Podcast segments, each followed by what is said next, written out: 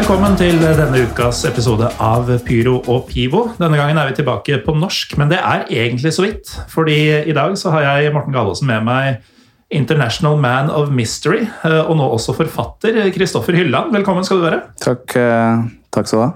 Det er merkelig nok, egentlig, første gang du er med på Pyro og Pivo. Du, jeg har fulgt deg på Twitter i noen år nå og tenkt at dette er jo en fyr som er designa for å være gjest i en fotballkulturpodkast. Det er mye press, men uh, ja, det er første gang. Jeg gleder meg veldig til å ta en prat med deg. Um, kan jo ta litt om, om deg først. Altså, vi snakka litt om det før vi gikk på lufta her nå. Jeg er jo veldig klar over at du er Arsenal-fan. Mm -hmm. For mye av din tvitring handler om det for tida. Stemmer. For noen år tilbake så handla veldig mye av tvitringa di om både liv og røre og fotball i Sør-Amerika. Mm -hmm. Men hvem er Kristoffer Hylland, annet enn en fotballfan? Ja, halvt norsk, halvt engelsk. Jeg er født her i Oslo. Men flyttet, eller vi som familie flyttet til Brighton. Eller i nærheten av Brighton da jeg var seks år. Så jeg vokste opp i England. Og før, altså, Kulturelt sett så er jeg kanskje mer britisk enn en norsk, apropos. Skål. um, men jeg har liksom vært frem og tilbake veldig mye mellom England og, og Norge siden jeg var 18 år. Det tok meg litt tid å lære meg norsk på nytt, for vi snakket jo ikke norsk i England. Faren min snakket mm. norsk til oss, og vi svarte på engelsk. Men um, nå har jeg vært der i mange år, bortsett fra en, en, et lite opphold i, i Argentina. Da. Så jeg, nå sier jeg at jeg er halvt engelsk, halvt norsk og halvt argentinsk. Ja, for et aldri så lite opphold i Argentina. Det, det ble noen år på tårenes kontinent. Tida går fort. År, altså planen var ett eller to år. Det å lære seg spansk og Jeg hadde vært der i 2009 som backpacker. Mm. Og ble jo forelsket i Brasil også. Det var kun Brasil og Argentina vi var innom på den turen. Um, de fleste tar jo kanskje seks måneder å ta med seg hele. Gringo Trail, som det heter. Mm. Um, vi var innom Brasil og Argentina, og jeg, Brasil er jo fett, men jeg ville lære meg spansk. Og Buenos Aires, Det var et eller annet ved Buenos Aires i, på den tiden, 2009. Um, var der i en uke. Kom hjem, flytta etter hvert tilbake til Norge, jobbet. Uh, fant meg kjæreste, ble nærmet meg 30 år, og livet var ganske klar. Og så mm. ble det forholdet slutt, og, og så var det da, da, var, da måtte jeg ta den sjansen og stikke. Og så tok det mye lengre tid å lære seg spansk, da. Så det ble ett år ble to. Ja, for du, du dro ned uh, delvis for å lære deg spansk. Du hadde ikke lært det på forhånd, og så skulle Hadde, studer, hadde studert litt. Um, et fag på universitetet i ett år, tilsvarende mm. det som engelsk er GCSE, da, det man studerer når man er 16 år. Ja. Um, også mye podkast hjemme. Um, men det, det, blir, bli ikke noe kvalitet Jeg kunne ikke snakke. Altså, Jeg forsto enkelte ord, men mm. Og det er klart at Når man er i Argentina, så er det litt annerledes òg. Eller for hvert land i Sør-Amerika så er spansken helt annerledes. Altså, det er veldig, de kan gjøre det vanskelig for deg. Selv for en argentiner i Peru kan det være vanskelig, hvis de vil.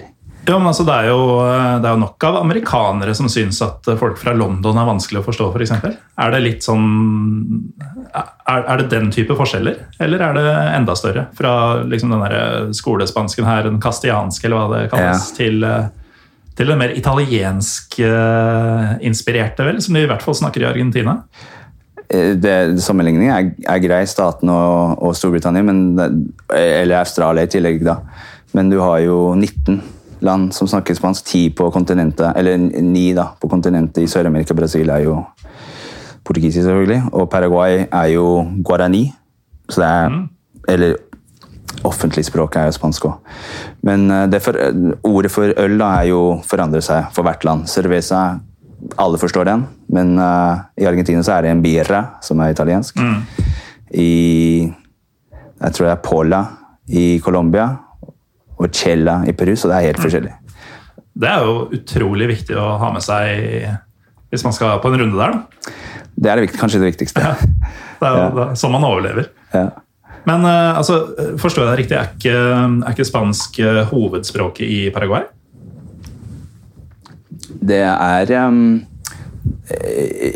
Ja, det er vel to. Offentlig så er det to ja. språk, men de aller fleste snakker kun altså, snakker guarani i seg imellom. Mm. Så vidt jeg har forstått det. Jeg var bare så vidt innom Paraguay.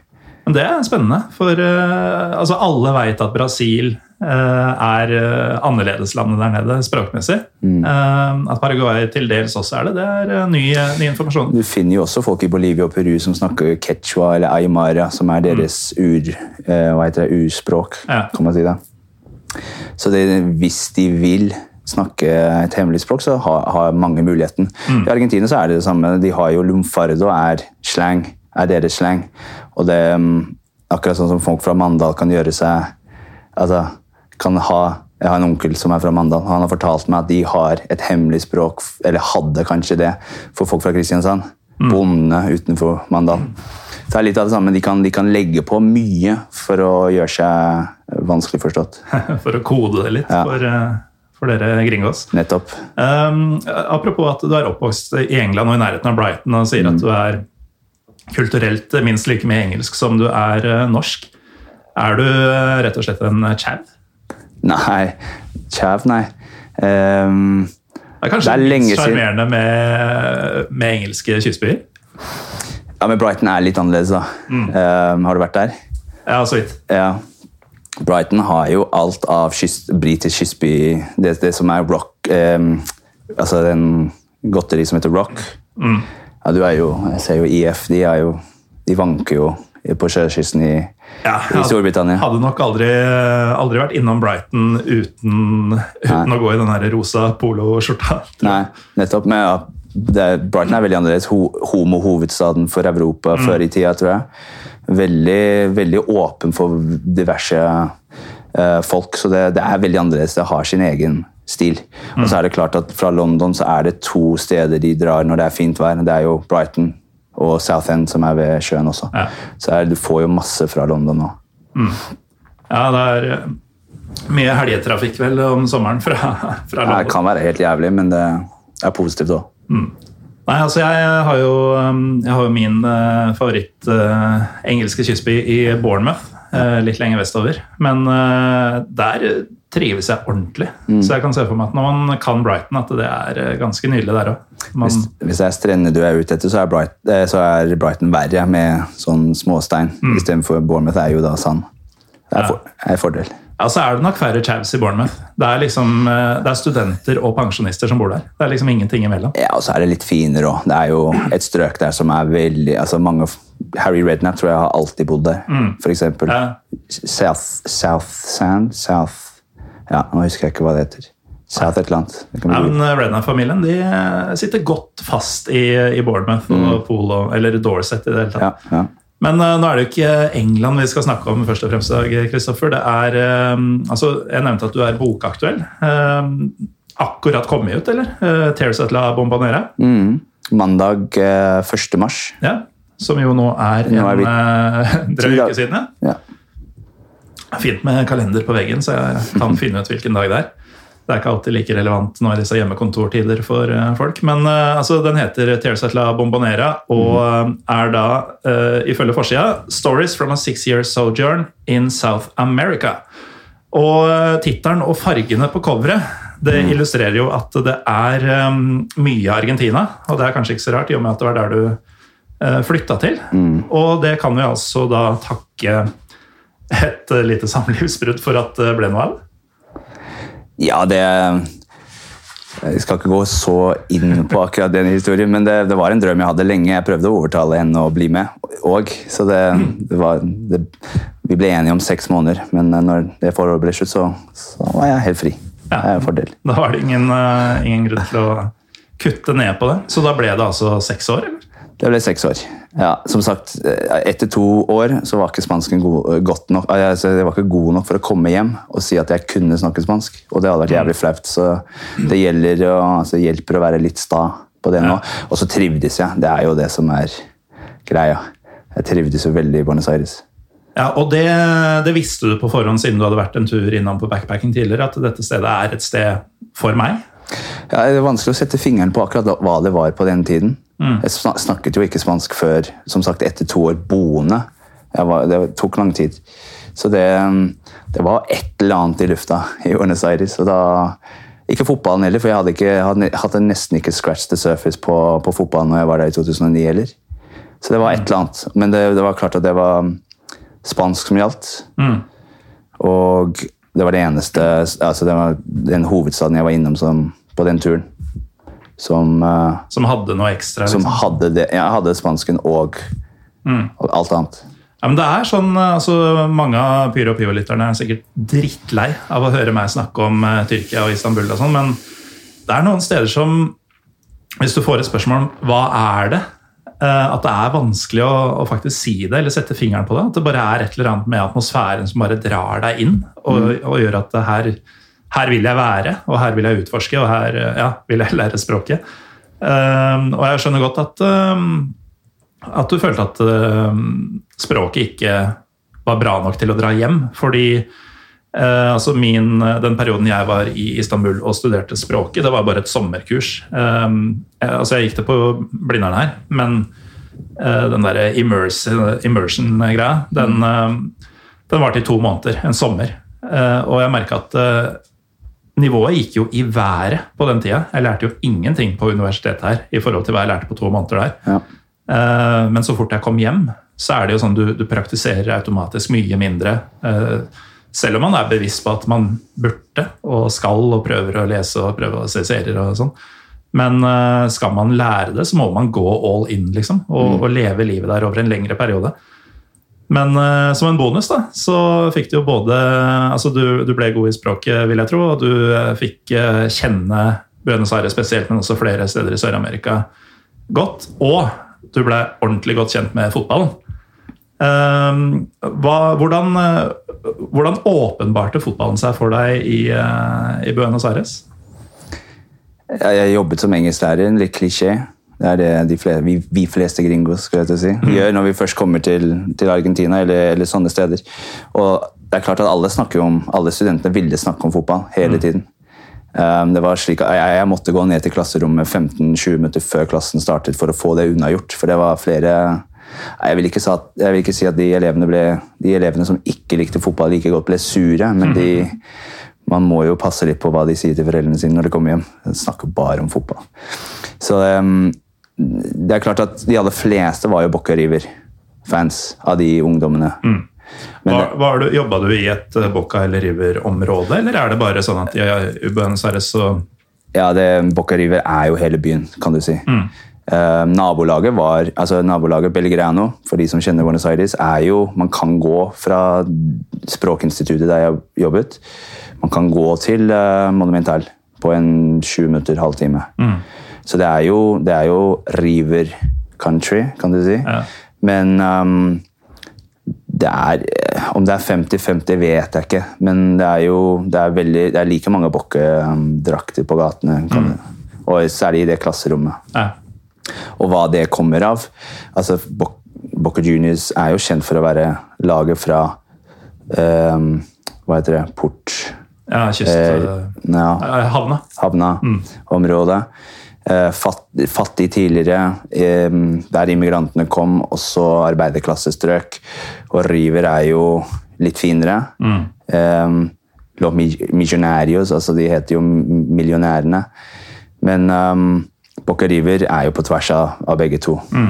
Det er like mange som bor i nærheten av La Boca, som drar på Monumental og omvendt. Ja. Og eh, denne, denne skolen, altså Språkinstituttet, var kanskje ikke sånn Det var ikke lokale kids nødvendigvis? Det var, Det var, elever det, som nei, det var for det meste lokale. Okay. Ja.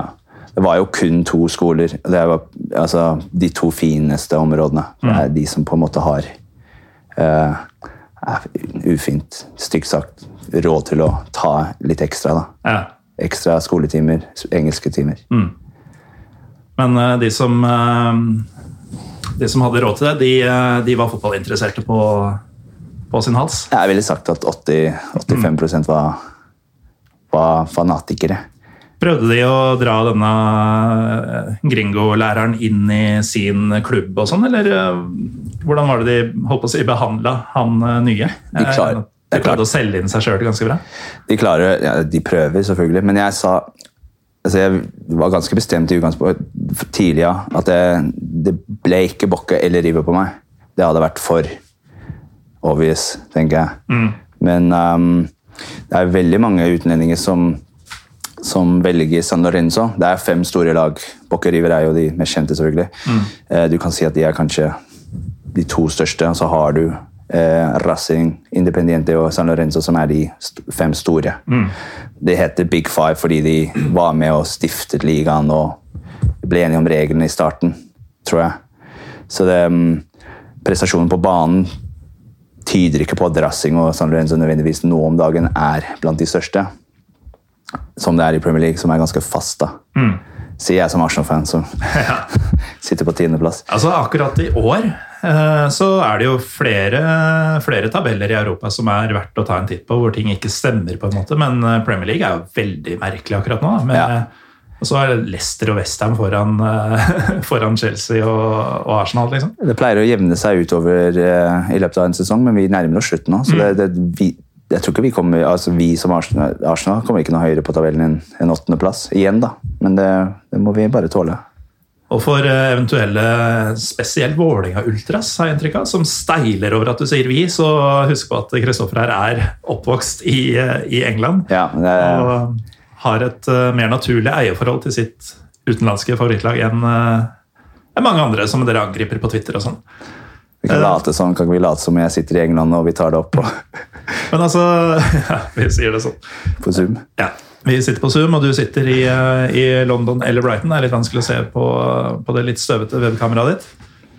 Eh, Og drikker en Ås. Ås, ja.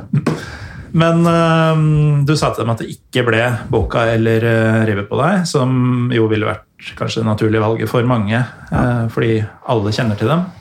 Eh, jeg vet at Racing og Independiente er et voldsomt derby, og det lærte jeg av å se på Danny Dyers Hooligan-serie for sikkert 15 år siden. da. Eh, det så jo helt magisk ut, og så er jo San Lorenzo er jo en av de klubba som norske supportere eh, kanskje har stjålet aller mest fra. Da man begynte å se på YouTube-videoer eh, og bringe disse rytmene til norske stadioner. Mm.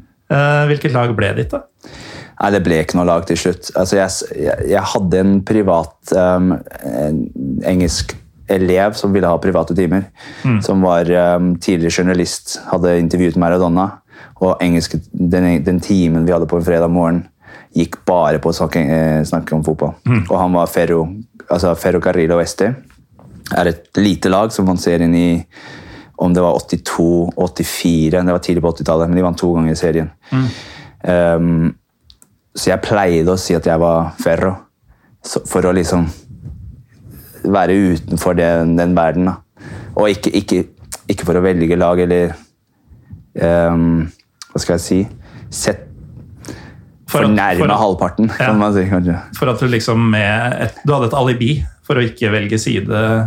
Jeg ville, jeg ville toppseriene. heller kanskje ikke velge et lag, um, for da må man være all in og, og lære om spilleren og, og dra på he- he- Heller dra på alle Bocca-kamper istedenfor å liksom kunne hoppe rundt. Selv om Buenos Aires er da litt luksus når du har såpass mange baner. Det er, ikke, det er ikke sånn at du drar på Bocca istedenfor å dra på Ferro eller Atlanta. Du, du kan gjøre liksom tre-fire i løpet av en helg. Men øhm, etter hvert så ble det jo altså Boka heter jo, eller sier at den tar for seg groundhopping i Sør-Amerika. Og øhm, en kjapp titt viser jo at det er, i tillegg til Argentina og øh, naturligvis Brasil, så var du i øh, Chile, i Peru, i Colombia og i Bolivia og så fotball. Um, regner med at det ble en liten svipptur over til øh, Montevideo kanskje også?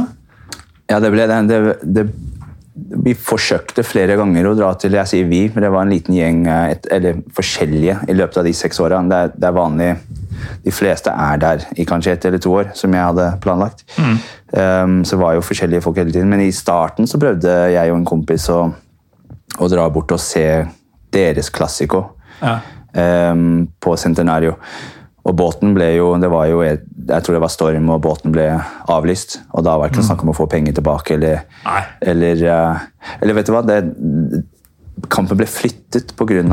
Um, Paul McCartney-konsert på Centenario. Det var det som var greia den Hadde de gangen. dobbeltbooka stadionet? Ja, de, had, de hadde det. De flytta Jeg tror de flyttet kampen pga. det. Det høres ut som sånn som kunne skjedd i Telenor Arena i sin tid. Det er litt av det som er problemet med andre land i Sør-Amerika, at de bruker sånn kommunale stadion. Bo- mm. Og Nacional, de to store i Montevideo i Uruguay, du kan si begge deler, Um, har hver sin stadion, men de velger å spille de klassikoene deres på Centenario. Og jeg tror det er for å Det er litt sikkerhet. Politiet kanskje velger det. Um, og så er det sikkert for å hente inn litt mer penger. Ja. For jeg tror Penirol har 40 000 tilskuere på deres nye De har helt ny bane. Fra 2017, tror jeg. Um, men Centenaria er jo en 70 000. Så det, det ble jo det Ja. etter hvert. Men det var en av de jeg huket av. Teit å si huka, men som jeg endelig fikk gjort etter mange år mot slutten av de seks årene. For jeg hadde forsøkt det i starten. Og så var det både Paul McCartney og uvær som kom i veien. Men eh, da det endelig skjedde, levde det opp til forventningene? Atmosfæren eller eh, kampen? Nei, det er jo først og fremst atmosfæren. Ja, nei, for eh, Fotballen der er ikke noe test, men det, fordelen med Uruguay eller Montevideo på den tiden var at det var bortefans, og det var jo litt, det var litt spesielt. Når det har litt, vært um, Jeg har ikke sett det på lenge. da. Det er få kamper i, i Buenos Aires som har bortefans, og da er det Copa Libertadores f.eks. Um, og hvis det er et argentinsk lag, mot et lag fra Paraguay, det er veldig mange fra Paraguay som bor i Buenos Aires, da er det ganske mange i tribunen. Det er jo luksus, det skjer ikke så ofte. Nei. Så det å se bortefans på en Classico var jo det er spesielt. Tar det, tar det litt for altså, tar det for gitt du, du venner deg til det ganske fort at det er ikke bortefans. Ja.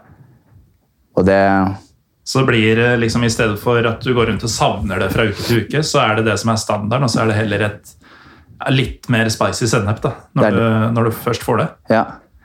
ja det, med, det med kamper uten bortefans virker jo veldig urettferdig når det først er såpass eh, stemning på en stadion, så er det all den Altså, det er hat vi snakker om. Det er hat, hatet går utover elleve spillere. Før så hadde det vært litt frem og tilbake kanskje mellom de Om det er 5000 River-fans som sitter i La Bombonera, um, så er det liksom Men det at det er 55 000 og all det hatet går på elleve spillere på banen. Men det som er gøy med argentinere, eller spillerne i argentinsk fotball, er at de, de er ikke redd for det. Nei. De, hvis de skårer altså som skjedde i akkurat den kampen TS, Tittelen kommer fra en kamp som jeg satt ned for å skrive om en kamp i starten. Bare ballet på seg og ble litt mye.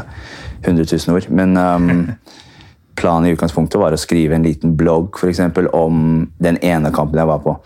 Men i den kampen så skårte Rive veldig sent, og det er ingen som De feirer jo rett foran Bocca-fansen for å, Ja. for å Og det, de er ikke redd for at det er 55 000 der som Nei, men det er eh, altså Ja vel.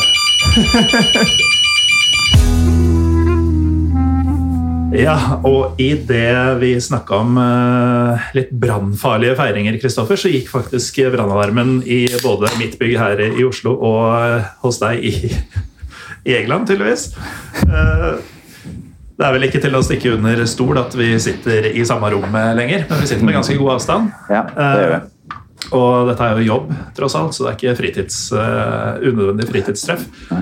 Men uh, vi, vi må jo nesten komme i gang med denne rundturen din, for du var jo i mer enn Argentina. eh, selv om det vel blir mer Argentina etterpå. Men uh, du reiste jo da i et halvt års tid rundt i Sør-Amerika for å både se fotball og og sikkert leve livet litt, litt ellers. Hvor, hvor skal vi først? Fra Buenos Aires til eh, Bolivia, grensen til Bolivia, tok 48 timer. Ja. Altså det var jo det var jo jorda som gjorde at turen ble 48 og ikke 36, men det var jo en lang busstur. Um, Det var buss i 48 timer, ja. det er buss i 48 timer. Man kan fly, men hvis man er backpacker, så skal man gjøre det ordentlig. Åh, det er seig busstur. Ja, det er ganske behagelig. da. Det er ikke sånn, det er ikke Ruter-buss til Lillestrøm, skal jeg si. Nei, det er verre, faktisk. Men, eh, men altså, uansett hvor komfortabel en buss er, så er det 48 timer om året. det verste med de bussene er at de har eh, DVD-samling som er bare actionfilm. Og det er ikke sånn at man kan sette inn øretelefoner i, i kontakten der. Man det må høre. Ja, det er blasting til tre om morgenen, så du har ikke noe valg der. Det er bare er bare mas. Apropos lange bussturer og Lillestrøm-stikkordet, så husker jo jeg det fra, fra gamle dager. At uh, man hadde gjerne den samme DVD-en lå i den samme bussen som dro på langturer hele tida. Sånn der Rumble in the Bronx eller noe sånt med Jackie Chan, den, den så jeg sikkert fem ganger i løpet av 2000-sesongen. Ja. Uh, og da selvfølgelig med sprengt anlegg. og kun avbrutt egentlig av at noen kjøpte pornoblad på hjemveien med medfølgende DVD, som de insisterte på at den skal vi sette på nå klokka to om natta når vi har vært i Molde og tapt 18-0 og alle er forbanna og slitne og skal sove. Så får du ja, Apropos blasting. Ja, porno er kanskje like eh, aktuell som de actionfilmene når det er barn. Eh, bussen er full av barn og ja, nei, det, Å reise med fugla, det er fryktelige greier. Men uh, du kom deg til grensa til Bolivia? Jeg kom meg til grensa. Um, Bolivia er jo et fantastisk fint land. Det er ikke, det er ikke fotballhovedstaden i Sør-Amerika, for å si det sånn. Men det er jo, det er jo noen, det er noen, baner som Jeg var innom to baner. Altså det med groundhopping i Bolivia. Um, som jeg sa til deg før, det å skrive bok om ground Hadde jeg tenkt på det konseptet, eller Magnus Borgen-konseptet Jeg ser du har boka der. Mm. Um, så hadde jeg kanskje vært innom mange flere baner. Dette, dette, var, en, dette var, noe jeg kom på etter at jeg flytta hjem. Men første kampen i Bolivia var dag én, når jeg møtte en tysk eh, San Pauli-fan som skulle rett på stadion. Så jeg dro på, dro på kamp i Potosi, som er kjent for å være der spanjolene tok ganske mye sølv ut av fjellet der. Jeg tror det var åtte millioner uh, som døde på, mm. for, å, for å få ut sølvet. For å gi Spania sølv? Ja, og Galliano, Eduardo Galliano, som var fra Uruguay, nasjonalfan, um, skrev en bok som heter Jeg sier det på engelsk, for jeg, ikke, jeg, vet ikke hva det heter på norsk, men The Open Veins of Latin America. Altså at eh, Sør-Amerika, Latin-Amerika ble voldtatt av Europa, rett og slett. Mm. Og det ble skrevet i 1970, men det er verdt å lese hvis man er interessert i pol altså, Ehm, det historiske og politiske bak kontinentet, så er det verdt å lese. Men eh, han skrev at for all den sølven som ble tatt ut av fjellet på det ene stedet, på Tossi, så kunne man bygget en bro lagd av sølv til Madrid fra Bolivia. Mm. Og så De lokale sier at eh, man kunne lagd en bro som kommer tilbake av eh, bein, altså av, ja. av de som døde. Så det, um, det, var liksom, det er kontekst og sammenhengen. Jeg prøver å skrive litt om det også. Da. Eh, det kulturelle eller historiske sammenhengen for de stedene jeg er innom. Mm. Men Potosi ligger på 4000 meter, så den fotballkampen er jo da litt spesielt. Det er jo kanskje den høyeste jeg kommer til å se fotball på. 4000. Ja. Det er jo sånn greie, altså Det lille eh, mange fotballinteresserte nordmenn veit om boliviansk fotball, det er jo at klubba heter enorme ting som The Strongest, f.eks. Mm. Og også at det er et helvete for eh, ja, Messi og, og gamle Ronaldo og sånn å spille bortekamper. Fordi eh, det ligger så jævlig høyt. Fifa prøvde å, å, å sette en grense på høyde. Mm. Eh, i starten av 2000-tallet. Jeg tror de prøvde seg på 2000 eller 2500 meter. Og nasjonalarenaen til Bolivia er på 3006 i La Paz. Mm. Og det er klart at det er jo en viss fordel det, når Argentina taper 6-1. Der så er det lett å skylde på, ja. på, høyden, men de vant der i år. Eller i år, sier jeg. 2020. I slutten av eh, Det var vel i oktober, tror jeg. Argentina vant 2-1 der. Mm.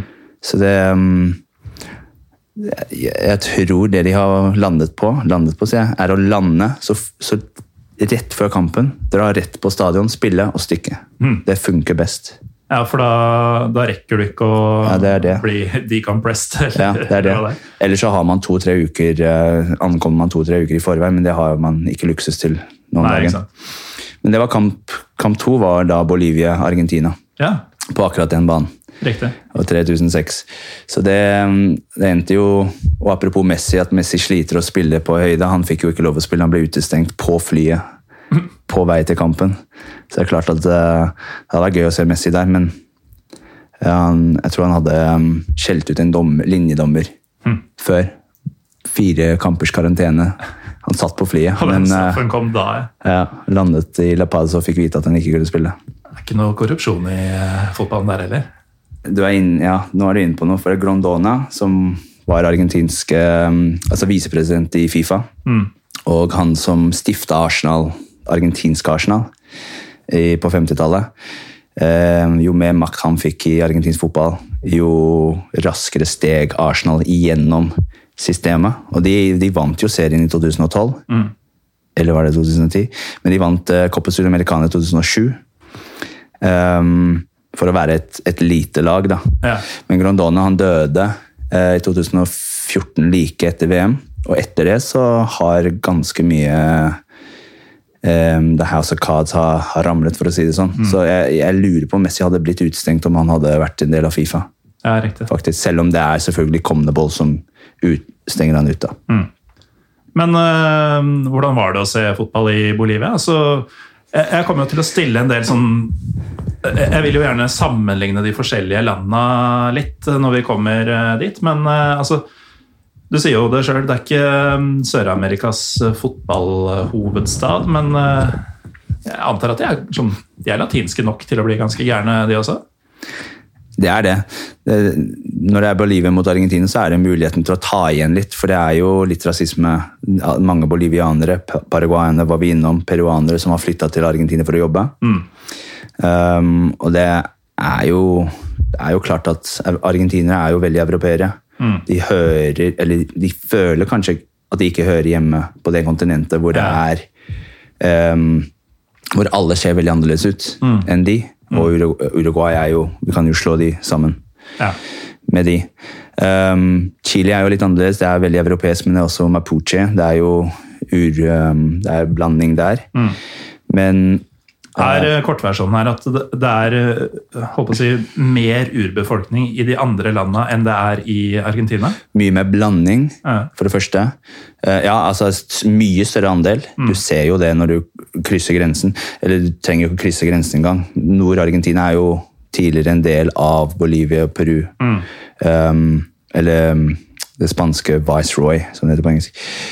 Um, så du, du trenger ikke krysse grensen engang, men du ser jo det. Mye større andel og mye større uh, blanding. Det som de kaller mestizo. Ja. Og så oppe i Colombia så er det mye mer afrokultur i tillegg, da. Ja, men Det er interessant. Og um, når da disse forhatte argentinerne kommer til uh, La Paz, uh, hvor, hvor altså Er det utsolgt, uh, f.eks.? Er det og hva slags kultur er det de framviser på tribunen?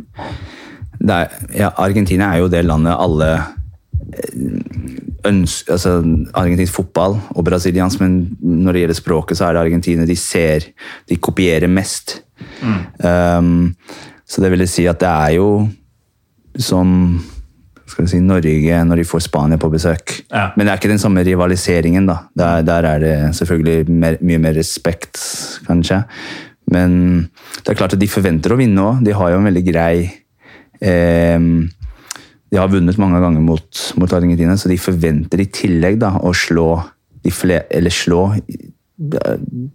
Stille nesten lik Ja. Og har sjans. og har sjans. Selv om de, ja, de, har jo, de har jo kommet til tre VM, så de har, jo, de har jo fordel av høyden. Det er ikke noe tvil om det.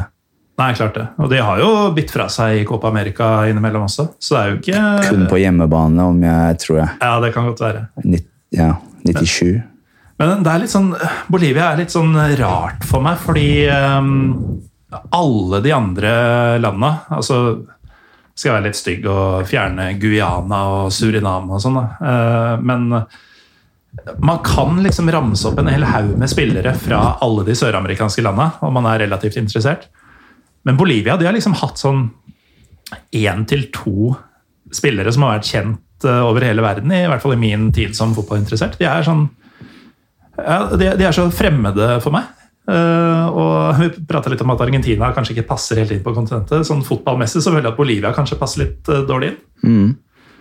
Men uh, det er for så vidt kanskje bare jeg som er uinformert, og at det er en hel haug med habile spillere derfra. Men Kan du nevne mer enn tre bolivianske spillere, så kan du nevne flere enn meg. Og jeg har Ja, til og med altså- vært der, så nei, nåværende kan jeg nok ikke nevne en eneste.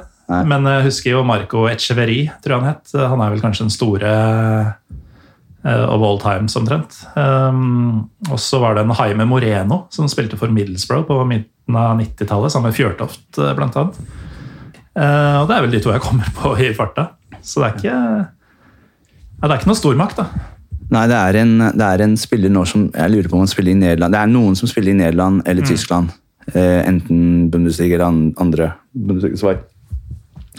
Men um, jeg føler meg ikke trygg nok til å si navnet. Såpass, såpass lite kan jeg om spillerne. Men det er en som er rød, rødhåra, som er litt spesielt. Mm. Så Cha- Cham, Chamero, tror jeg han heter. Noe sånt. Noe sånt. Du må kanskje kutte det. For nå ble jeg veldig usikker. Ja, nei, men Jeg tror vi fikk fram hvor eh, usikre vi var. Ja, men det, det er klart at de tar igjen De tar igjen eh, når de får argentiner på besøk. For de har kanskje onkler fettere som bor i Argentina, som har opplevd dritt. da. Så det, det, det må sies. Selv om jeg elsker argentinere og elsket, eh, elsker veldig godt kulturen der nede i Argentina, så må det sies at jeg er kjent for å være litt eh, ja, rasistisk når det gjelder de andre. ja. Og det er for å generalisere den. Det er jo urettferdig å si at alle er sånn. Jo, men det, Det er er, jo det er et gjennomgående tema i eh, Pyro og Pivo også. Når vi snakker om land og kulturer som vi er veldig glad i, så er det alltid en bakside også. Mm. Altså, det er jo ikke, ikke et land og ikke en kultur som er utelukkende positiv. Nei. Eh, Men det forhindrer en jo ikke fra å bli glad i både stedet og folka og sånn der. Mm. Um, Balkan comes to mind i mitt tilfelle. Mm. Men eh, Bolivia ellers, hvordan Åssen hadde du det der? Hva gjorde du der? Det er jo det, det første stoppet på Gringo Trail, som, det, som jeg var innom før. Det er jo det er mye turisme, da. Det er jo, jeg var jo der i fem uker, og det er jo nok, tror jeg. Det er jo Potosi og Sucre som er historisk sett viktige steder. Man kan jo til og med gå inn i gruvene i Cerro Rico, som det heter. Altså disse sølvgruvene som Ja. ja, Nå er det ikke noe sølv igjen, selvfølgelig, men de, det er kanskje noe til mobiltelefonene. Eller, det, er, det er noe. Men det er folk som Levealderen er lav, altså. Så de, det er Og det, var, det er dritskummelt. For de, snakker om at den eh, sin altså Den kommer til å klapse. Ja. Så jeg var livredd. Men det er klart at sånne turistgreier Det er, det er nok å se i Bolivia, men det er, ikke, det er heller ikke kanskje det kulturelle ho hovedstaden, da, hvis man skal si det. Peru derimot, neste stopp, um, der var jeg i fire måneder. Der kan du lett uh, være Hvis du har råd, og det er ikke, det er ikke dyrt Ikke for en engelskmann, særlig ikke for nordmenn. Der kan man gjerne være i fire-fem måneder. Og da, da er ikke fotball høy på menyen heller. Det er, det er klart at det er, Cuisine er jo ganske populært. Peruansk mat er populært. Ja, hva, er vi her inne på sånne marsvin på menyen? og Det, sånn? ja, det er også Bolivia, men det, ja, man må jo Mm. Aldri hatt marsvin som kjæledyr, så jeg måtte jo prøve det. Ja, Åssen var det? Ja, det var jo helt ok. Ja, Så du hva det var da du fikk det ja, ja, du får jo alt. Du får Ja, du får hele det. Ja, du får hele. Det, del, ja. oh. Vi trenger kanskje ikke å gå inn på det, men det er jo Spiser man kjøtt, så spiser man kjøtt. Ja. Altså, jeg eh, kommer til å miste noen følgere nå, men eh, kommer jeg et sted hvor det er f.eks. katt eller hund på menyen, en smakebit må jeg faktisk ta, altså. Ja. Men jeg, altså, jeg, vi- hvalfangst i Norge ja. er lite populært eh, rundt omkring i verden. Jeg, jeg, har, eh, jeg har prøvd å forsvare den norske delen, den norske halvdelen ved å forsvare det. Det er, er sikkert et argument, men vi trenger å ta det nå.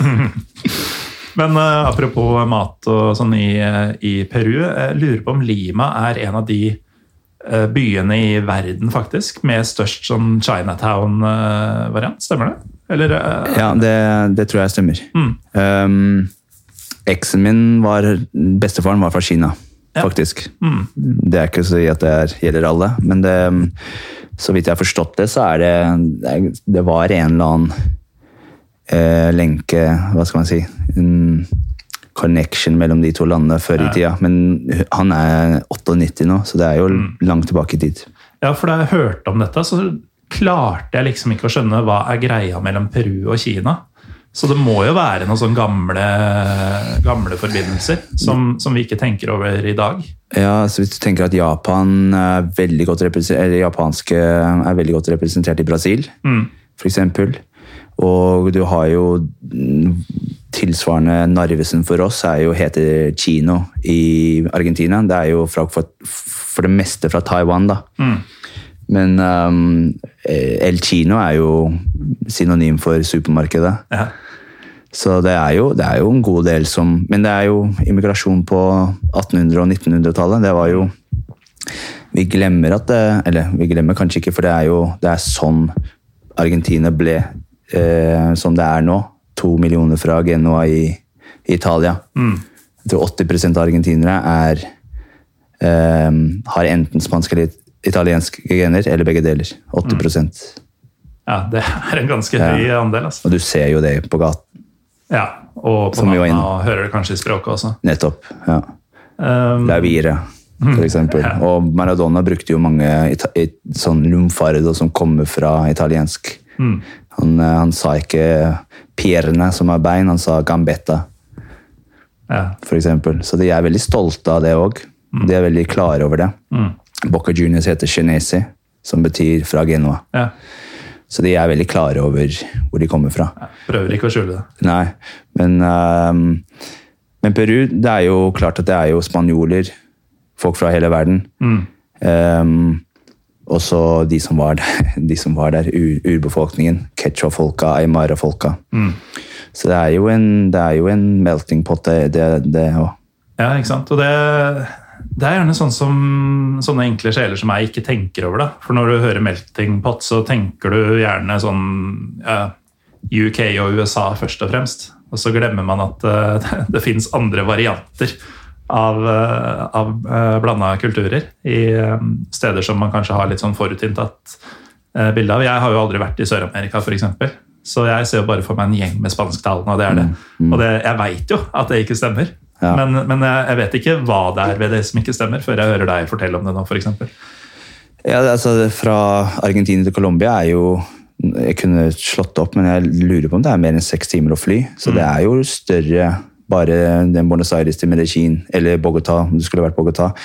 For det å snakke om å ha De skal jo ha Copa America mellom Argentina og, og Colombia. Altså, de skal dele det? De, ja, det skulle vært i fjor, 2020. Det er jo en gruppe som skal spille i Argentina og en gruppe som skal, skal spille i Colombia. Så jeg tror ikke det er sånn at de reiser mellom Argentina og Colombia, med mindre de når sluttspillet. Det spørs hvordan de gjør det. da. Det skal jo, Planen er nå til sommeren.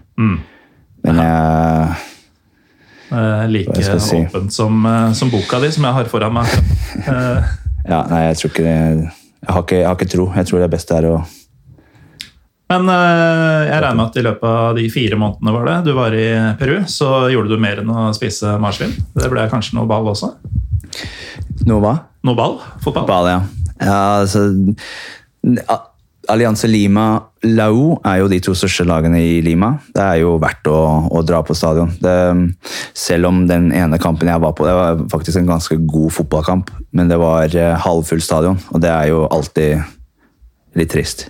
Ja. Er, du har kanskje sett De brukte um, El Monumental de Lau, som det heter, banen til um, Universitario til eh, Copa Libertadores-finalen når River tapte mot Flamengo i fjor. 2019, Ja, riktig, riktig. 2019 var det vel. Mm. Jeg sier i fjor, men det er 2019. Um, ganske unik bane med, um, med sitteplasser, med ståtribune, og så seks eller sju rad med det som ligner da, leiligheter.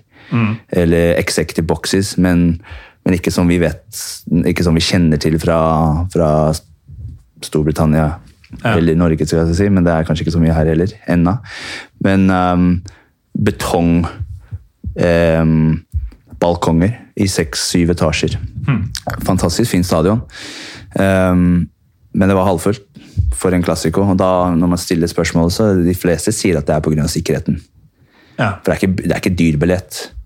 Um, Nei, for det er, det er høy interesse og relativt billige billetter. Det er jo ti millioner som bor i Lima. Det er de to største lagene i Peru. Er det- ti millioner Jeg i Lima? Jeg tror det. Det er 40, mil, 40 millioner i Peru. Om Så- ikke flere. Dette er sånn der, eh, Igjen, da. eh, Tilbake til forutinntattheten min. Eh, sjokkerende tall. Ja, Det er bare å se trafikken i Lima. Da, da tror du kanskje det er flere. ja, ikke sant? Det, um, men det var skuffende at det var såpass få. Men uh, Allianse Lima er jo tilsvarende, hvis jeg kan si Vålerenga, da. Eller uh, hva, hva var vi innom? Boca Juniors, arbeiderklasselaget. Um, og de blir kalt Jeg kan ikke, kan ikke bruke Er det, er det stygt? Nei, der, ja, altså Kavani var jo, ble tatt for dette her. Aha, aha, ja. Jeg hadde tenkt å si det på norsk, men det er ikke lov lenger. Det er jo en, en ti år siden det var vanlig å si, kanskje. Ja, de, de blir kalt noe uh, meget utdatert, Ja. uh, kan man si. Um, så jeg kan ikke si det. Men det er jo Det er klart at Pa- Paulo Guerrero er kanskje en av de mest kjente peruanske spillere, og Jefferson Farfan Ja. um, er jo kanskje representativ av, av nabolaget. Fattige. Altså Allianz Lima er jo et lag um, som representerer arbeiderklassen og de fattige. Um, og Universitario er jo det rike. Tilsvarende River. Så um, Allianz Lima var jo fascinerende å dra på. Det er en fin stadion. Fint stadion som ligner litt mer på europeiske, eller kanskje britiske. Eh, litt, mer litt mer kompakt. Um, 30 000 ish, tror jeg. Ganske, ganske farlig nabolag ble fortalt, så vi måtte ta drosje helt inn til, um, inn til porten der. Det var en gate som politiet ikke går ned engang. Mm. Det, dette lærte jeg med tid. lærte jeg at det er ganske fat, fatalistisk, hvis man kan oversette et, en, et engelsk ord direkte til norsk. Fatalistic. altså De er veldig negative pessimister når det gjelder sikkerhet og det verste ved sitt land. Det er Murphys lov, liksom. Her kan det gå gærent, så du må bare regne med at det gjør det. Nei, jeg tror de liker det er mer sånn telenovelleopplegg, hvor de liker såpe-TV-serier, hvor de liker at det er dramatisk. Det gjelder Argentina og Peru, men det er også litt sannhet ved det. For det, det, jo lengre man er der, ehm, jo større sannsynlighet er det for at du er borti noe. For det er jo klart at det skjer ting. Ja, ja. Til større, til større grad enn her, eller i England for den saks skyld. Så det, det er klart at det er litt sannhet ved det, men det, når du har vært der kort tid, så føler du at det er litt sånn dramatisk for å, for å Pynte er feil sagt. Ja. Men så vi tok drosje i hvert fall helt inn til porten. Og det, når jeg bodde i Lima etterpå Jeg var jo innom Colombia, og så flyttet jeg tilbake til Lima etterpå. Um, kjæresten min da Vi skulle på en fin restaurant som ligger rett ved siden av stadion. Apropos cuisine og fotball. Eh, da var det snakk om drosje også. Eller Uber. Ja. Så da Man må høre på de, de som bor der. Selv om man kanskje har en mistanke at det er litt overdramatisert. Ja. Men Allianz er et veldig fint lag. Men blei det noe, ble det noe kødd, da? Nei, altså Seks år i Sør-Amerika så opplevde jeg nesten ingenting. Altså Jeg, jeg ble ikke ranet. Var ikke, jeg var i noen situasjoner som var kanskje hårfine, hvor man tenker etterpå at dette her kunne gått galt. Um, jeg har kun blitt ranet i London Ja. på vei til en Tottenham-kamp. Så det så, som Arsenal-fan er kanskje fortjent. Ja, men Sånt er så typisk. at uh, I hvert fall for oss som liker å reise litt og, og teste litt uh, grenser, og sånn så hører folk at ja, du gikk rundt drita full i Ramallah eller liksom sånne ting. Og bare Hæ, åssen kunne det gå bra? Og så går det liksom alltid bra, nesten uansett om du er i uh, en eller annen sovjetstat eller på landsbyen i Midtøsten eller i Lima eller Buenos Aires. da. Og så er det liksom på Bislett at man blir rana. Sånn, eh, ikke at det har skjedd med meg, men det er liksom minst like fort gjort at noe faenskap skjer i nabolaget ens eh, som på reise. Kanskje fordi man er litt, litt mer årvåken på tur også, men eh, også fordi eh, man kommer veldig langt med sunn fornuft. Jeg er, er ganske forsiktig i utgangspunktet. Jeg liker veldig godt å ta noen øl midt på dagen. Midt på dagen, sier jeg, men liksom til, til lunsj og utover ettermiddagen, og så kan man legge seg tidlig. Jeg har ikke noe behov for å være ute på gata alene i Lima klokken fire. Da er man utsatt for Og jeg har hørt veldig mange historier fra backpackers og gringos som har ofte den øh, oppladingen til historien at jeg var på byen, var drita, var på nattklubb, klokken var fire. Jeg spurte dørvakt om jeg kunne ta altså, De kunne hjelpe meg i drosje. Og da er det Den Da kommer resten av historien. Ja. Så det, det, det er klart at det kan skje, og det kan, du kan også være veldig forsiktig og bli utsatt for det. Så jeg var både heldig og, og litt forsiktig. Ja. Men um, det, det gjelder å le, høre på de, de som bor der, tenker jeg. Lima er altså en eh, sjokkerende stor by. En gigantisk by med mye, mye krøll på nattestid. og, eh, og to store fotballag. Er det omtrent sånn vi oppsummerer det? Ja. ehm, det, er jo, det, er jo andre, det er jo andre mellomstore lag i Peru, i motsetning til Bolivia f.eks. Mm. Men um, hvis du er innom Peru, eller hvis du er innom Lima i noen uker så er det de to lagene du skal absolutt prøve å se. Og da Allianza Lima pga. banen Eller Lau er jo Universitario har jo den fine banen òg. Mm. Begge to er veldig forskjellige. Så det, er man der i noen uker, så er det verdt å få med seg begge to. Mm. Så er nasjonalstadion også, som de noen ganger bruker til deres klassiko. Mm. Um, men Sporting Cristal, um, Sport Boys som de heter, um, Deportivo Municipal. Det er jo tre lag som har historie der, som er også i Lima. Så det er, ganske, det er, ganske, mye fotball å få i Lima. Utenom det så er det, det er kun to toppdivisjoner i Peru. 32, mellom 30 og 35 lag, så vidt jeg har forstått det. Gjennom tiden de bytter på det hele tiden. Mm. Og så under det så er det ingenting. Nei. Det er 22 000 lag som starter på en FA Cup-aktig sånn kvalifiseringsrunder. Alt eh, lokalt. De spiller seg opp til sluttspill, og de som vinner, eh, går rett til Primera divisjon. Toppnivå. Så det, hvis, hvis, du har lyst til å kjøpe deg et peruansk lag og liksom satse virkelig ett år, og få de opp i, opp i Primera, så så, så, er, veien kort, med mindre flere har tenkt å gjøre det samme. Det, det er slik at Sluttspillet ender med en sånn miniliga med fire lag alle spiller én gang, tror jeg. Så topplaget går direkte til premiera. To og treeren spiller nok en gang mot hverandre i en sånn playoff. Mm. For å da ta et plass i Segunda. Ja. Så det, det, er mange lag som har gjort det og kommet seg og beholdt plassen. Og det er mange som har gjort det, vært der noen år, og så bare ramlet ut av systemet mm. på nytt. Fascinerende måte å gjøre det på. Altså. Jeg tror det er kanskje det lureste når det gjelder eh, landet med altså et fattig land i mm. utgangspunktet, mm. med dårlig infrastruktur og mm, landskap som Peru har. Masse fjell. Eh, de har ikke, de har ikke det norske luksus å bare bore seg gjennom og lage tunneler. Det er jo det er vanskelig å komme fram til Det er både jungel altså mm. Det er jo et, det er et stort land. Jeg tror Storbritannia passer fem ganger inn i Peru. For å gi deg et kontekst. I mm. tillegg da til fjell på ja. 6000 meter og alt annet. Jungel og Det er voldsomt, men eh, du, du blei der i fire måneder, så du, du må ha trivdes der?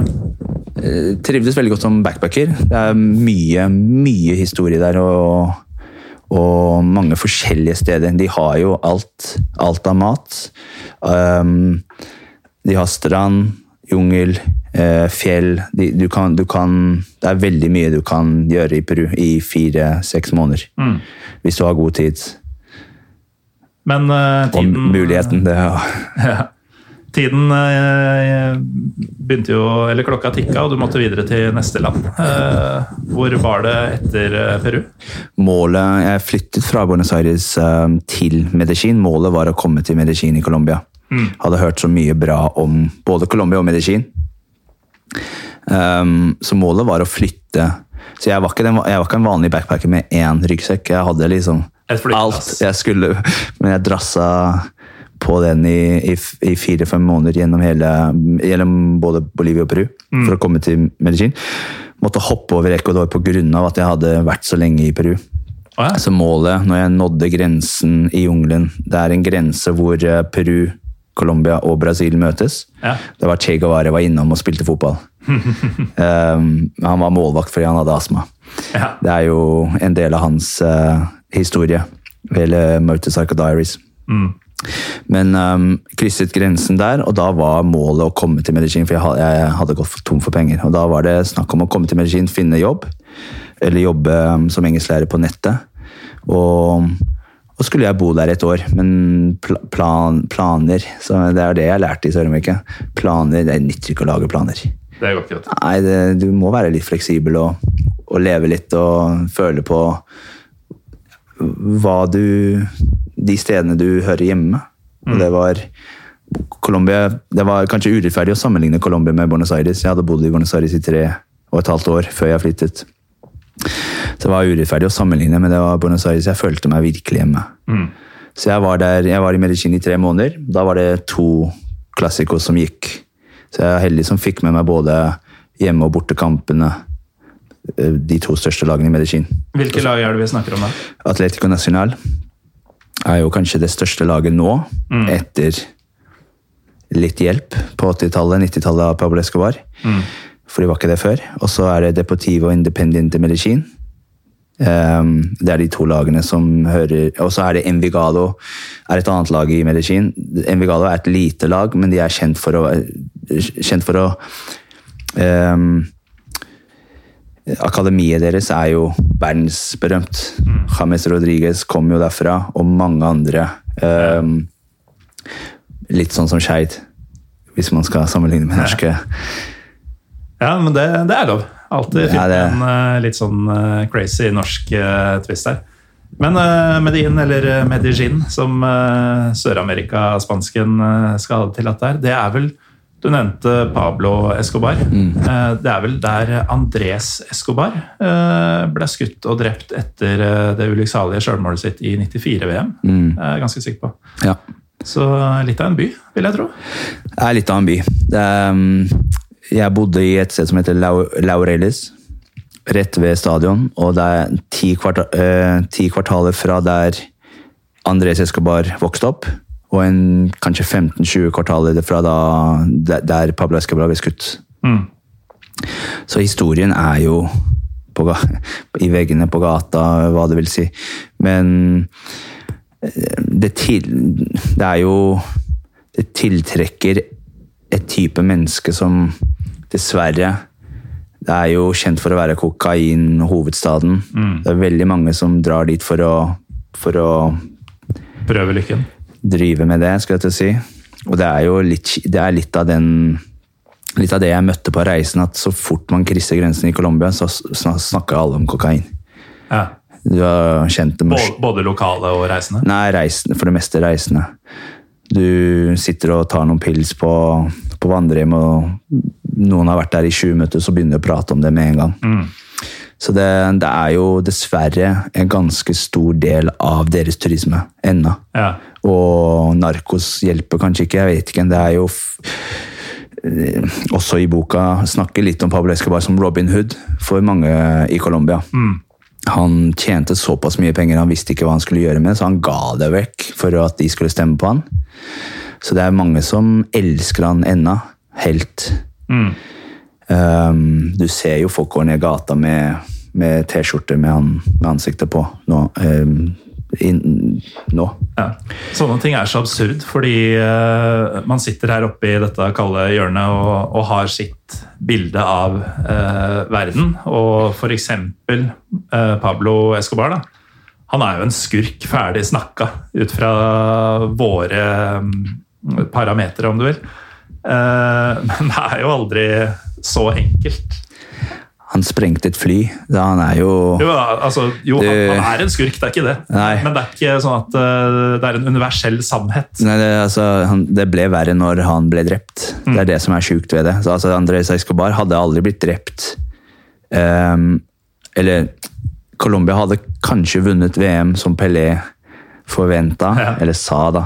Det er jo litt du kan, Vi kan gå litt inn på det. 30, jeg tror de ubeseiret i 36 kamper, men hvorav 12 var eh, Copa America, eller kvalifiseringskamper. Resten var jo privatkamper mot eh, sånn afrikansk elve. Ja. Og, eh, eller Paraguay mange ganger. De tapte én kamp eh, Jeg tror de tapte én privatkamp i løpet av de 36, og det var mot Bolivia. Så det er liksom Det er romantifiseringen av søramerikansk fotball, det var jo en del av det. Um, Ja, det, det 94-laget til eh, Colombia. ja, ja. Jeg husker, eller jeg husker ikke, jeg leser om det i ettertid, men de hadde jo annet vunnet 5-0 i Buenos Aires i kvaliken der. Eh, Så det var jo et seriøst lag, og det er jo også et lag som eh, Jeg husker ikke kilden min på dette, men det, det ble faktisk i sin tid lagd en, eh, en såpeserie eh, om det laget. Fordi det var så karaktersterkt. Altså, René Higita var jo uh, delvis knytta til uh, disse narkobaronene. Han var jo involvert i en kidnappingssak som jeg husker ikke om det var Escobar eller en annen tilsvarende hai, eh, som, som brukte han som mellommann. Carlos Valderama så ut som han gjorde. Escobar, Andres Escobar ble jo drept av disse folka. Og så hadde du jo i tillegg en del sånn gudmenåda spillere som Aspria og um, ja, husker ikke farta. Men det, det var jo en ordentlig ordentlig gjeng da, som både kunne spille fotball, og som eh, virker som skapt å lage TV-drama om. Ja. Bare for å runde av det med Andres Escobar. Um, det var pga. dødsfallet til Pablo at det gikk til helvete. At de veddet mot og for, uh, på Colombia under VM og satt press på spillerne. Så det var linka til Ja, nei, det var linka til alt som skjedde etter at han døde. At det var liksom power vacuum. At mange skulle spille inn det. det. Det er klart at eh, narkopengene hjalp veldig for å få Colombia, colombiansk fotball opp i den samme høyden. Det å vinne 5-0 på MM Monumental er jo eh, imponerende, men det sammenhengen der var at Argentina måtte vinne også. Så så fort Colombia tar ledelsen, så var det bare å gønne på og prøve å score, så ble de tatt på kontring. Ikke for å altså, Det er den argentinske halvdelen min som prøver å forsvare den. Men um, at Colombias fotball startet jo eh, altså Ligaen startet på 50-tallet, eller slutten av 40-tallet, i sånn bråhast. Ehm, og det, de lå langt bak resten.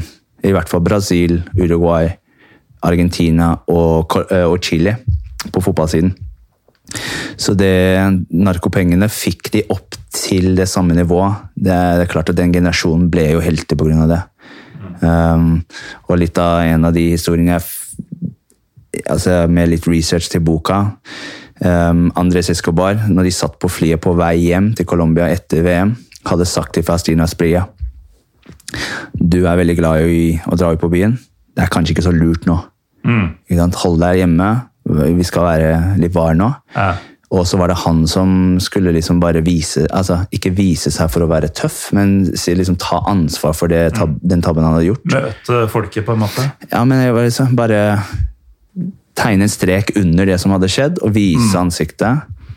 Jeg vet ikke til hvilken grad han visste at eh, livet var i fare, men det var litt sånn tilfeldig hvordan han døde òg. Det, det var ikke attentat. Det var at det var en, en sånn Konfrontasjon. ja, Det som i England hadde vært en slåsskamp på byen klokken to.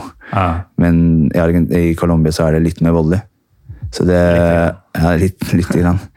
Så det er jævlig kjipt. Men det, det The Two Escobars er kanskje en dokumentar som folk har sett. Um, det er veldig interessant å, å, å spille de to, særlig de to navnene mot hverandre. Ja, det er uh, mye brutal, uh, fascinerende historie fra Colombia og colombiansk fotball. Men hvordan var dine fotballopplevelser i Medien? Du sa at du var på derby på begge, med begge som hjemmelag. Ja. ja, så det første Innen ti dager så var det så var det Deportivo Independent Medicin som var hjemmelaget. De spiller på samme bane. da. Det, er- det er som er ulempen, eller det kjipe med colombiansk fotball, er at det er ingen Eller du kan si egentlig Brasil også, tror jeg, og mange andre land i Sør-Amerika, at det er, ikke, det er ikke laget som eier stadionet. Og det, Argentina er litt sånn eh, litt unik, kanskje Chile også litt unik i den, det forstand at eh, de eier stadion. Så du, Når du drar på en fotballkamp, så drar du på Huracan sin bane, eller Bocca sin bane, eller Ja. Ferro sin bane. Um, I Medellin så er det en bane som er uh, eid av kommunen, og begge to spiller der. Ja. Så innen to måneder så var begge to hjemmelaget, men det var samme, litt sånn som Italia, da. I, eh, San Siro eller eh, Stadio Olimpico. Ja. ja eller eh, Genoa, for den saks skyld. Ja, eller Genoa for den saks skyld. Men eh, åssen åssen var det? Det var veldig bra. Bortefans, tikk, det er veldig bra. Det er veldig positivt. Uh, pyro, som var uvanlig i Argentina. Det var jo ulovlig en periode, selv om de fyrer jo fyrverkeri innimellom. Eh, det var ikke så vanlig å se pyro på, på baner i Argentina. Så det var veldig bra. Um, og de, de låner veldig mange sanger fra Argentina. så de sangene, Du nevnte San Lorenzo. De er jo kjent for å være det laget som lager de beste sangene. Ja. Og de kommer til og med til Norge. Men det er klart at Sør-Amerika låner veldig mye fra Argentina. Eh, fotballkultur, mm. tribunekultur. Men det er mye varmere. Altså, Buenos Aires kan bli varmt, men på vinteren, deres vinter, juni, juli, så er det kaldt. Men i Medellin så er det Medellin er kjent for å være byen med eh, vår hele året. Ok. Primavera eterna, som det heter. Um, men for en nordmann så er det sommer. Det er dritvarmt. men det er T-skjorte av, marihuana over hele banen. Det er, litt- det er kjennetegnet Sør-amerikansk fotball er jo også weed. Ja. Og det er jo Ja, for det er jo, Vi, vi har snakka en del om kokain fordi Ja, er eh, ja, Vi har snakka om både Bolivia og Colombia, og da blir jo narkos og diverse sånt eh, involvert naturlig. Men eh, de er jo de er jo glad i andre ting også, disse søramerikanerne. Jevnt over. Jeg, Jeg tror ikke du trenger å lete Du trenger ikke å gå langt for å finne det hvis du er ute etter det. Men det er klart at det er mye alkohol. Og, og weed er jo nesten lovlig mange steder, så det er ikke noe ulempe med det. Men jeg personlig sett tegner streken ved kokain. Men det, hvis, hvis det er folk som gjør det, så kan de gjerne gjøre det. Ja, ikke sant?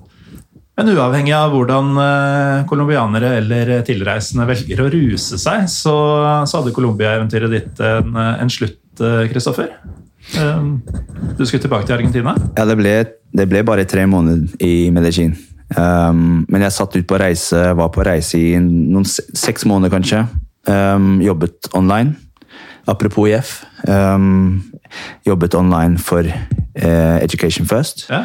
Og det var veldig beleilig. Dra med laptop og, og liksom logge inn og, og jobbe, jobbe kanskje en uke i strekk, ti timer hver dag. Sette seg på en Airbnb og jobbe som F. Og, og så hadde man tre uker til å reise. Fordi 13 dollar i timen i Colombia går ganske langt. Det gjør det. Så det var, det var digg. Og det ble noen fotballkamper der òg, men det er liksom ikke noe å skryte av, um, egentlig. Mm. Men det er jo litt i, litt i boka om de andre. Cali er jo det tredje største byen. Litt l- eh, Apropos det med narkos og sånn, Cali er jo kjent mest for det også, dessverre. Rivalbyen til Medellin, på en måte. Ja, dessverre. Men det er klart at det er noen lag der som har også klart seg veldig bra pga. Litt, uh, litt hjelp. Um, så er fin by.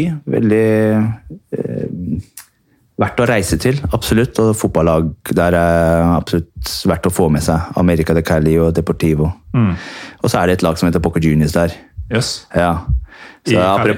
Ja, eh, Boca Juniors de Cali, rett og slett, tror jeg det heter. Hvis, hvis ikke jeg tar feil. Er de blå og gule også? eller? De har akkurat samme logo og hele pakka.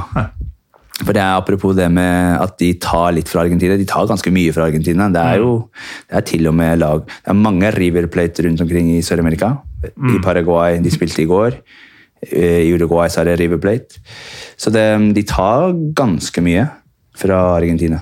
Og så er det vel, eh, uten at det har med Argentina å gjøre, men det er vel både altså Du har jo et Arsenal i, i Argentina, Ja. Arsenal de Sarandi, men du har vel rundt omkring i Sør-Amerika så har du vel både et eh, Liverpool FC og FC Barcelona og også et Juventus, kanskje, hvis jeg ikke husker helt feil? Ja, Kanskje ikke det siste. Seks, seks ganger Everton. Ja. For de la ut på turné i på, altså 1924, eller hva det var. Så det, det er klart at de lar seg inspirere av, på den tiden, på 20-tallet, av engelske eller britiske lag. Um, men Cali har vært å besøke, Medicin, Bogotá. Det er jo de tre største Ja. eh, byene i, i Colombia. Men jeg hadde møtt en dame i Lima vi ble enige om at vi skulle liksom prøve å se hvordan det gikk. Så jeg flytta til Lima. Jeg synes at, som sagt, Peru som reisende, som backpacker, var jo helt fantastisk, men da er man helt fri. Kan uh, dra på haik og man kan dra på hva man vil. Men uh, det å bo i Lima var ikke akkurat det samme som å være backpacker. Så det var ikke det, var ikke det store, og jeg savnet Buenos Aires. Og jeg måtte jo tilbake, jeg hadde masse ting og jeg hadde latt ganske mye være igjen der. Og så hadde du litt uoppgjort med fotballen der. Kanskje det òg. Det var kanskje det òg. For um, når det er 42-45 baner, tror jeg, innen en time fra selve byen, eller fra det nabolaget jeg bodde, så er det klart at man, um, selv om man har kanskje huket av 20 baner, så føler man at det er mye som ikke er Så um, ta igjen. Så da var det tilbake til Buenos Aires for å, for å ta inn det tapte, på sett og vis. Det var for å hente litt av de tingene jeg hadde stæsja òg, men det, fordelen er alltid fotballen. Så det, men jeg, som sagt, jeg hadde savnet, jeg savnet veldig Argentina når jeg var på reise. Ja. Um, og kompiser og hele miljøet som var der. Men jeg Og så hadde jeg avtalt med en kompis i Storbritannia at jeg skulle være der i at det, i oktober. Så det var ikke sånn at det bare ble bråslutt med hun i Lima. Vi var sammen ganske lenge, faktisk. Men, um, men det var komme tilbake til Buenos Aires, være vert for en, en engelskmann, og så, så, så var det den Boca River-finalen. Helt tilfeldig. Det var selvfølgelig ikke innenfor min kontroll, men det var veldig digg. Ja, digg er feil sagt, men det, det å kunne være i Buenos Aires når de to finalene ble spilt Da snakker vi om uh, Libertadores. ja, finalene. 2018. Eh. Mange har sikkert sett uh, Coppa 90 på YouTube. De har en timelang dokument, dokumentarfilm om, om akkurat de finalene. Det er jo oppsummerer argentinsk fotball ganske greit, tror jeg, med mye av det som skjedde. Ja. Og det er jo på godt og vondt. Det er jo han drosjesjåføren som gråter på slutten av dokumentarfilmen, sier at dette ble for mye. Altså Det er greit at vi har gjort narr av River, og han var Boca-fan. eh, Gjort narr av River, og, men uh, det ble for mye. Det, um, at de måtte flytte en kamp til Spania. Ja, altså, vi, vi har jo snakka litt om det um, i dag, Kristoffer. At um, altså, hvor mye skade spanjolene tross alt har gjort på det kontinentet. da. Um, og altså, når deres Champions League faktisk heter Copa Libertadores, eh, så er det jo Det må jo være helt ekstremt nederlag at finalen i den turneringa skal spilles i fuckings Madrid. Altså, det er jo hovedsetet for alt som har blitt gjort mot dere i løpet av historien. Men tilbake til det, fatalist, eh, det altså, fatalistic eh, det vi var innom før. Jeg har ikke funnet et bedre ord på norsk. Nei, vi kjører Vi bare venter, venter Kan noen oppdatere oss på det? Men um, det er på en måte bekrefter at de er håpløse, mener argentinere. De det bekrefter at de um, ikke er i stand til å ha en sånn kamp. Og det, det, det sa de selv. At dette er jo liksom ikke det vi fortjener, det blir kanskje for langt, men er litt av Brasil når de tapte i 1950, var også for å bevise at nå var vi litt høye i hatten her. Vi trodde at vi var på vei mot noe, Ehm, men vi tapte mot Uruguay. Og det, nå, det viser at vi egentlig ikke fortjener dette her. Og det, Argentina er litt der òg, This is why we can't have nice things. nettopp. Det er bra oppsummert. Um, men eh, altså, i boka så er jo også i både Chile og Brasil, eh, apropos, også og ser fotball. Men eh, vil man høre om det, så får man nesten bare kjøpe boka, tenker jeg. Um, som jeg veit at man kan få på Adlibris, i hvert fall. Eh, hvor ellers kan man kjøpe Tears at La Bombonera, Kristoffer? Jeg vet, altså På Skøyen, Ark på Skøyen har tatt inn boka. De har, de har tatt sjansen på boka. Hjelper å kjenne noen som jobber der, så det er litt nepetisme, men Norge er jo såpass liten at det må være noen fordeler her. Um, så dere kan gjerne dra innom der, eller så er det på nettet. da. Uh, Adlibris og Bokkilden vet jeg har det. Um, jeg har ikke giddet å ta inn så mange selv. Nei. For det um, Så det, det, er, det er på nettet. Eller så er det e-book, selvfølgelig. Og alt annet.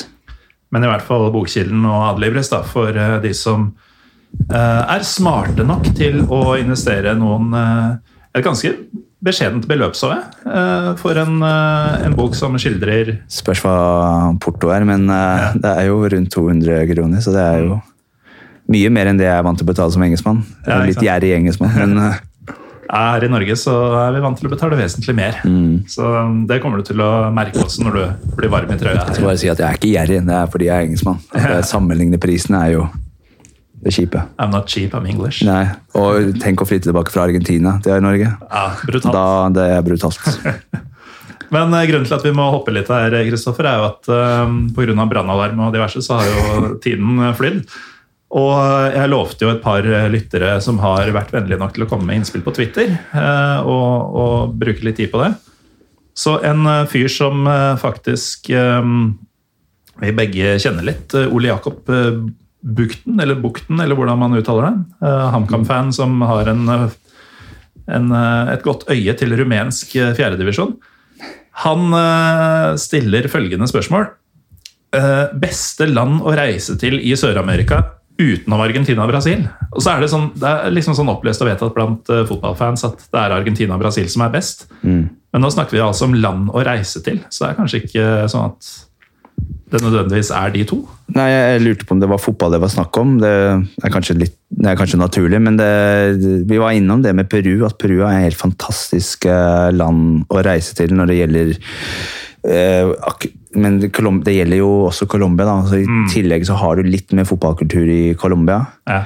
Um, så hvis det er historie, natur, sånne ting, eh, først og fremst, så kan man kanskje helle mot Peru, men hvis fotball er viktig, så så heller vi mot Colombia. Jeg tenker det er godt oppsummert, ja. Men um, det er jo bra fotball i altså, Bra fotball er det ikke i Sør-Amerika, men det er bra tribune Bra fotballopplevelser. Det er, ja, det, er det er mye historie og mange fine historier fra de diverse lagene. Så det er jo Lima og litt sånn rundt omkring i Peru, og de tre store byene i de største byene, i hvert fall Colombia, som, mm. som er høyest på litt. Men Chile er så verdt å nevne, kanskje. Colo Colo og Universitat de mm. Chile. Mm. Mye historie der òg. Og mange, mange, rare navn. Everton mm. og O'Higgins. Ja. Så det O'Higgins, ja. O'Higgins. Ikke noe sier Chile som O'Higgins. Nei, men jeg tok jo med, hvis du vil låne den, så tok jeg med In Patagonia av Bruce Chatwin. Det forklarer jo litt av hvordan Patagonia um, Hvorfor det heter sånne ting. da. Det er mye som heter Darwin, f.eks. Mm. Patagonia er vel da sånn enkelt sagt denne tynne tarmen sør i eh, disse slettelandskapene og sånn, sør i uh, Sør-Amerika. Ja. Sør i Sør-Amerika. Ja, ja, nei, men the, uh, the, Southern Cone, som det mm. heter. Altså Chile mellom Chile og Argentina, rett og slett. Det er ikke et land, men det er et, et område som er mye større enn Norge, for å si det. Ja, ikke sant. Det, er ikke så veldig mange som bor der. Da. Kanskje like mange som bor i Norge, som bor der. Ja, kanskje. Jeg vet ikke. Nei, vi er, vi er ca. fem millioner her. Ja. Eh, hvor mange som bor i Patagonia, vet jeg ikke. Men... Nei, Jeg tror ikke det er mange flere. Nei. Eh, men i hvert fall, eh, han har et oppfølgingsspørsmål også. Mm. Um, om det er noen spesielle kamper eller stadioner du kunne dratt på, men ikke gjorde, og som du angrer på at du ikke dro på? Ja, så klart, Det er jo som sagt, det er jo 45 baner i, i Buenos Aires, så det, er jo, det, er mange, det var mange muligheter. Altså, Jeg angrer på en måte at jeg ikke dro tilbake til uh, Moron. Var jo, jeg var jo der med en kompis fra Irland. Og um, altså, jeg ble tatt imot av de lokale som alle har opplevd før. Um, med en gang så kom de bort og pratet. Det hjalp jo at det var mot slutten av turen, og jeg snakket ganske bra spansk, og veldig argentinsk spansk med alle de mm. forskjellige lumfardo-uttrykkene de bruker. Og vi legger jo litt på da, ja. når, vi det, når, vi snakker um, deres språk, men jeg, får, jeg, har jo kontakt med mange av de, og de sier um, Altså det blir asado, stor barbecue og masse øl og hele pakka når vi, når, når vi eventuelt når jeg kommer tilbake. Så det hadde vært, det hadde vært innmari kult. Og jeg angrer veldig på Vi ble invitert Vi var på morgenen mot et lag som heter Adroge Brown. Eh, Brown de Adroge. Og um, dårlig kamp. De tapte 1-0 hjemme. Det var ikke fullsatt tribuner. Men om to uker etterpå så skulle de spille mot eh, Chicago, Nueva Chicago som er deres derbykamp. Hatoppgjør langt ifra hverandre, men det er et eller annet som skjedde i historien som gjør at de hater hverandre. Mm. Og verken jeg eller Killian, kompisen min, kunne dra. Og det hadde, vært, det hadde både vært classico, det hadde vært um, mange timer med øl og kjøtt og masse mm. godt vær, god vær i tillegg. så... Altså, Øl og kjøtt um, Øl er jo for så vidt uh, Det, det fins jo overalt. Og det er vel, så vidt jeg veit, uh, ikke noe sånn utprega eh, godt søramerikansk øl. Det er liksom ganske vanlig ølkultur, men eh, kjøttkulturen ja. i Sør-Amerika den er vel second to none. Ja, det er det. Og da, da, er det øl først, kjøtt etterpå, for det ølet er ikke så lett å vaske ned. Nei. Da er det Fornett som gjelder. Det er faktisk Fornett, og, Jeg hadde egentlig tenkt å ta med det. Hadde jeg rukket innom Vinmonopolet, så hadde jeg kjøpt Fornett og Coca-Cola. Fernet? Eh, Fernet og Cola. Altså, her i Norge så vet jeg at dere tar det Rent. Ja, altså Fernet. Fernet. Ja.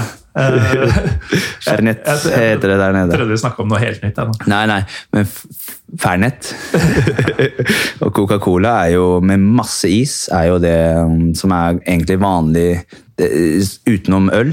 Og vin. Selvfølgelig, vin er jo populært, men det, det er Fernet og Cola som gjelder. Og da er det, ja, det Nå Altså, kan vi lett drinken Fernet og Cola? Det høres helt forferdelig ut. Det skal jeg prøve. ja, det er, um, Alt er helt jævlig første gang du smaker det. Øl og kaffe og vin er jo helt jævlig første gang du smaker det. Men det, det er klart at når du sammenligner det med enten å dra på en fotballkamp eller å være på hjemmefest hos noen, så er det For det er da jeg pleide å, å drikke det. Så er det Da smaker det godt, altså. Ja, det, den er fin. Um, et av de bedre spørsmålene som kom inn Jeg, jeg skrev jo egentlig at eh, jeg skal ignorere alt som kommer, men uh, Anders Nerdrum hadde en som jeg syntes var så bra at uh, jeg må nesten ta den.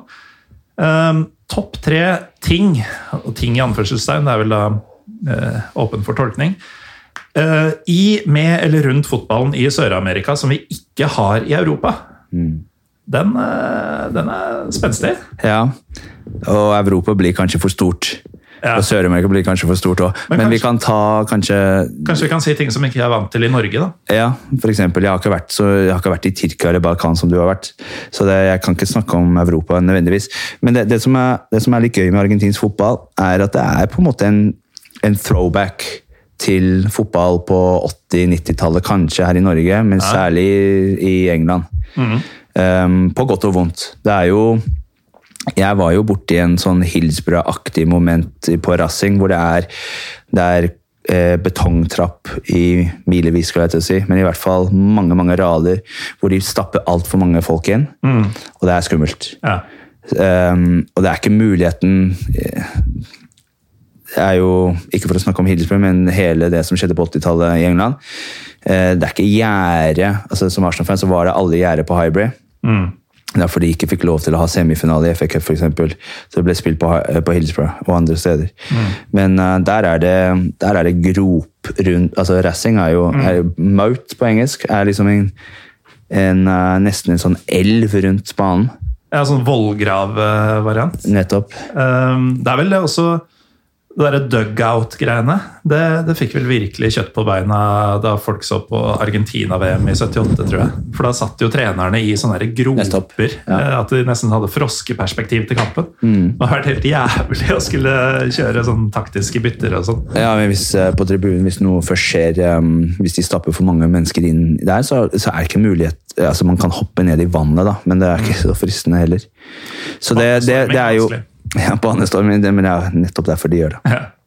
Så det, den throwbacken er jo på godt og vondt. Det er jo billige priser. Det er jo ekte, ekte fotball. Det er ikke den steriliserte fotballen vi har i, i Vi har ikke snakket mye om Arsenal, men jeg er på vei ut døra på mange måter når det gjelder moderne fotball. Jeg, det kan ikke jeg velge bort, da. Men det Det er eh, mer sjarm å dra på Arsenal de Sarandi enn Arsenal Nei, det kan du lese i boka. Det er ikke mye sjarm å dra på Sarandi. jeg trodde jeg hadde en, jeg hadde liksom en drøm om å si at jeg var liksom sesongkortholder i, i Sarandi. Men det er ikke så Det var ikke noe ålreit. Nei, det er ikke det. Er ikke det, det er ikke Bocca River. San Lorenzo. Du kan ramse opp en hel liste med fotballag som havner eh, høyere på lista enn dem. Men um, Så det er jo den biten. Det er jo det er, Nå har ikke jeg vært mye rundt i Europa, men jenter på fotballkamp det er jo Jentene lever altså lever fotballen som gutta der nede. Det er kult. ja, det er ikke den klisjeen den at man At uh, faren tar med seg sønnen på fotballkamp, som er kanskje en en trope i England og kanskje her i Norge også. Ja, Selv om det er mye mer likestilling her, og det er jentefotball er høyt nivå her. Jo, men det er, det er nok en sånn gutta-greie i veldig veldig store deler av verden. Ja, men Der er det mer familiebonding. på en måte. Det er ganske vanlig å se en mor som tar med seg datteren eller sønnen på en kamp. Og kanskje faren sitter hjemme og ser på en annen kamp eller heier på et annet lag. Men det, det er jo De lever det like. De, de blir hes og sit, skriker. Er mm, det, jeg vil ikke si at det er 50% gutter og 50% jenter på argentinsk fotball, men jeg tror det er mye større andel enn andre steder. Så det er jo det er kanskje de, de har jo hatt en stor kamp om, om eh, legalisert abort, abort nå, nylig. De fikk det for to måneder siden. I, I Argentina, ja. Så det, de er feministene der, feminister eller liksom um, Aktivistsjelen i Argentina er veldig sterk uansett hva saken er. De Mm. kjemper for, for rettigheter og alt. Ja. Så det, det kan henge litt sammen med det. Men de brenner for fotball. De, de sitter ikke hjemme som de gjør i andre land i Sør-Amerika, dessverre. Um, det, det tredje, så Jeg tenkte mye på dette i dag, for det er et veldig godt spørsmål. Det tredje jeg har på lista her, er eh, dessverre Barabravas. Dessverre. Sier, ja, for det er jo her. Eller um... Nei, fordi, nei, men Barra Bravas er ikke ultras, og det er ikke hooligans. Det er jo mafia. Ja, Ja.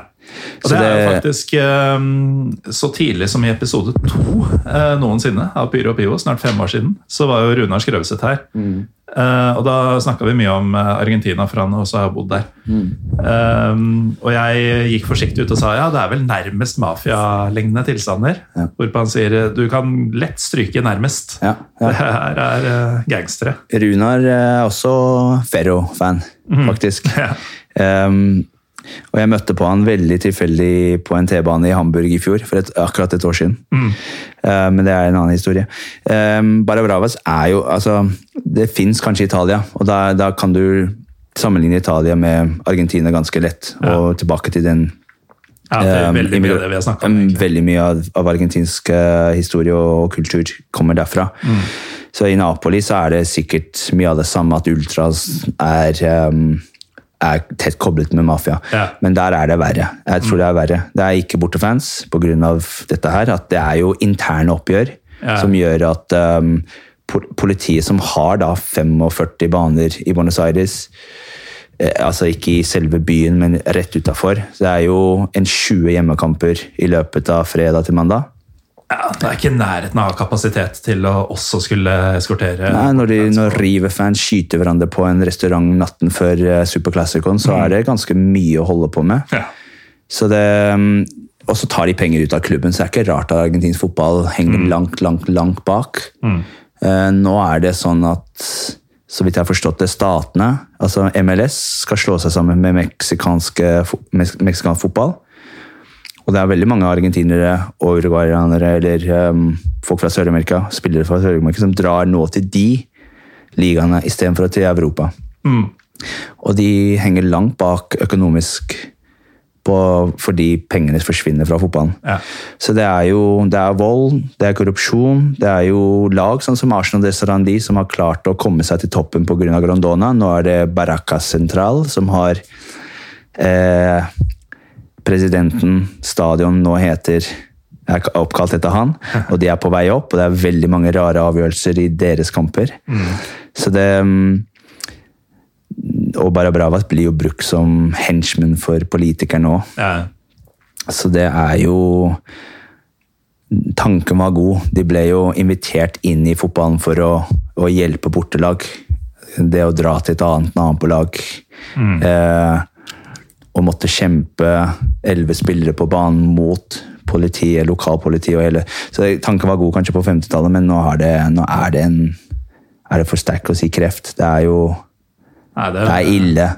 Så det er jo det er bra at vi ikke har det i europeisk fotball, men det er jo det er jo det som kjennetegner særlig argentinsk fotball, dessverre.